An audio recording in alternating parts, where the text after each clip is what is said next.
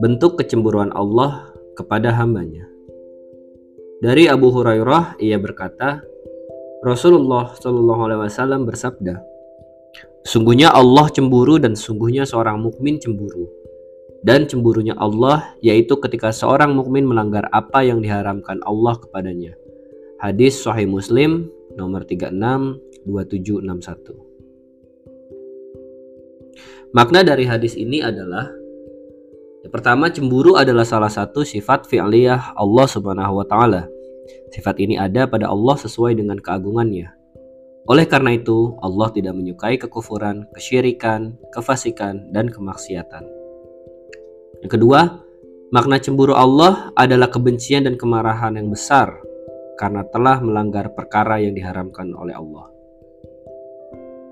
Yang ketiga, Makna cemburu manusia adalah meluapnya amarah sebab persekutuan pihak lain dalam suatu hal yang hanya khusus bagi Allah.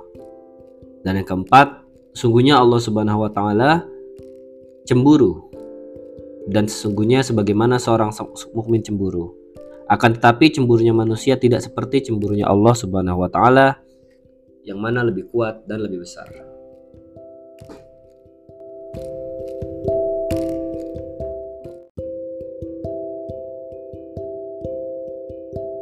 Cara menegur dengan adab dan berakhlak kepada orang tua. Belajar dari kisah cucu kesayangan Nabi SAW, Hasan dan Husain radhiyallahu anhu. Dikisahkan bahwa pada suatu hari Sayyidina Hasan dan Husain putra Sayyidina Ali bin Abi Thalib dan juga menantu Rasulullah pergi ke masjid untuk melaksanakan sholat.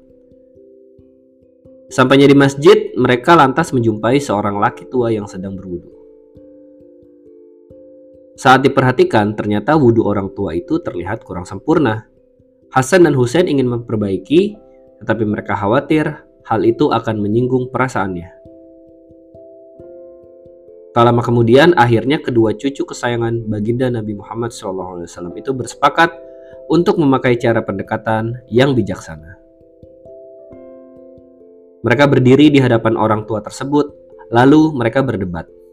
Masing-masing mengatakan bahwa dialah yang paling benar dalam berwudu, sehingga mereka lalu meminta orang tua itu untuk menilainya, mana di antara kedua yang paling sempurna dalam berwudu.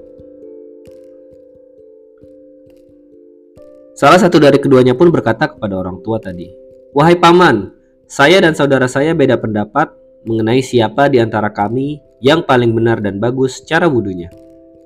Kami minta tolong paman untuk menilai kami, siapa yang terbaik di antara kami. Orang tua itu pun setuju, lalu kemudian kedua adik dan kakak ini segera berwudu. Orang itu memperhatikan betul cara wudhu kedua cucu Nabi ini, hingga muncullah kekaguman. Setelah mereka berdua selesai, orang tua ini memuji seraya berkata, Wudhu kalian berdua sangat istimewa, kata orang itu sambil tersenyum. Seketika itu pula, terperanjatlah dia, lalu segera mengoreksi diri seraya menyadari bahwa wudhunya selama ini ternyata cacat, serta tidak sempurna ke kedua pemuda tadi. Maka dia mengatakan kepada keduanya, Alangkah baiknya wudhu dan sholat kalian, serta alangkah baiknya tuntunan dan cara bimbingan kalian kepadaku. Semoga Allah memberkahi kalian.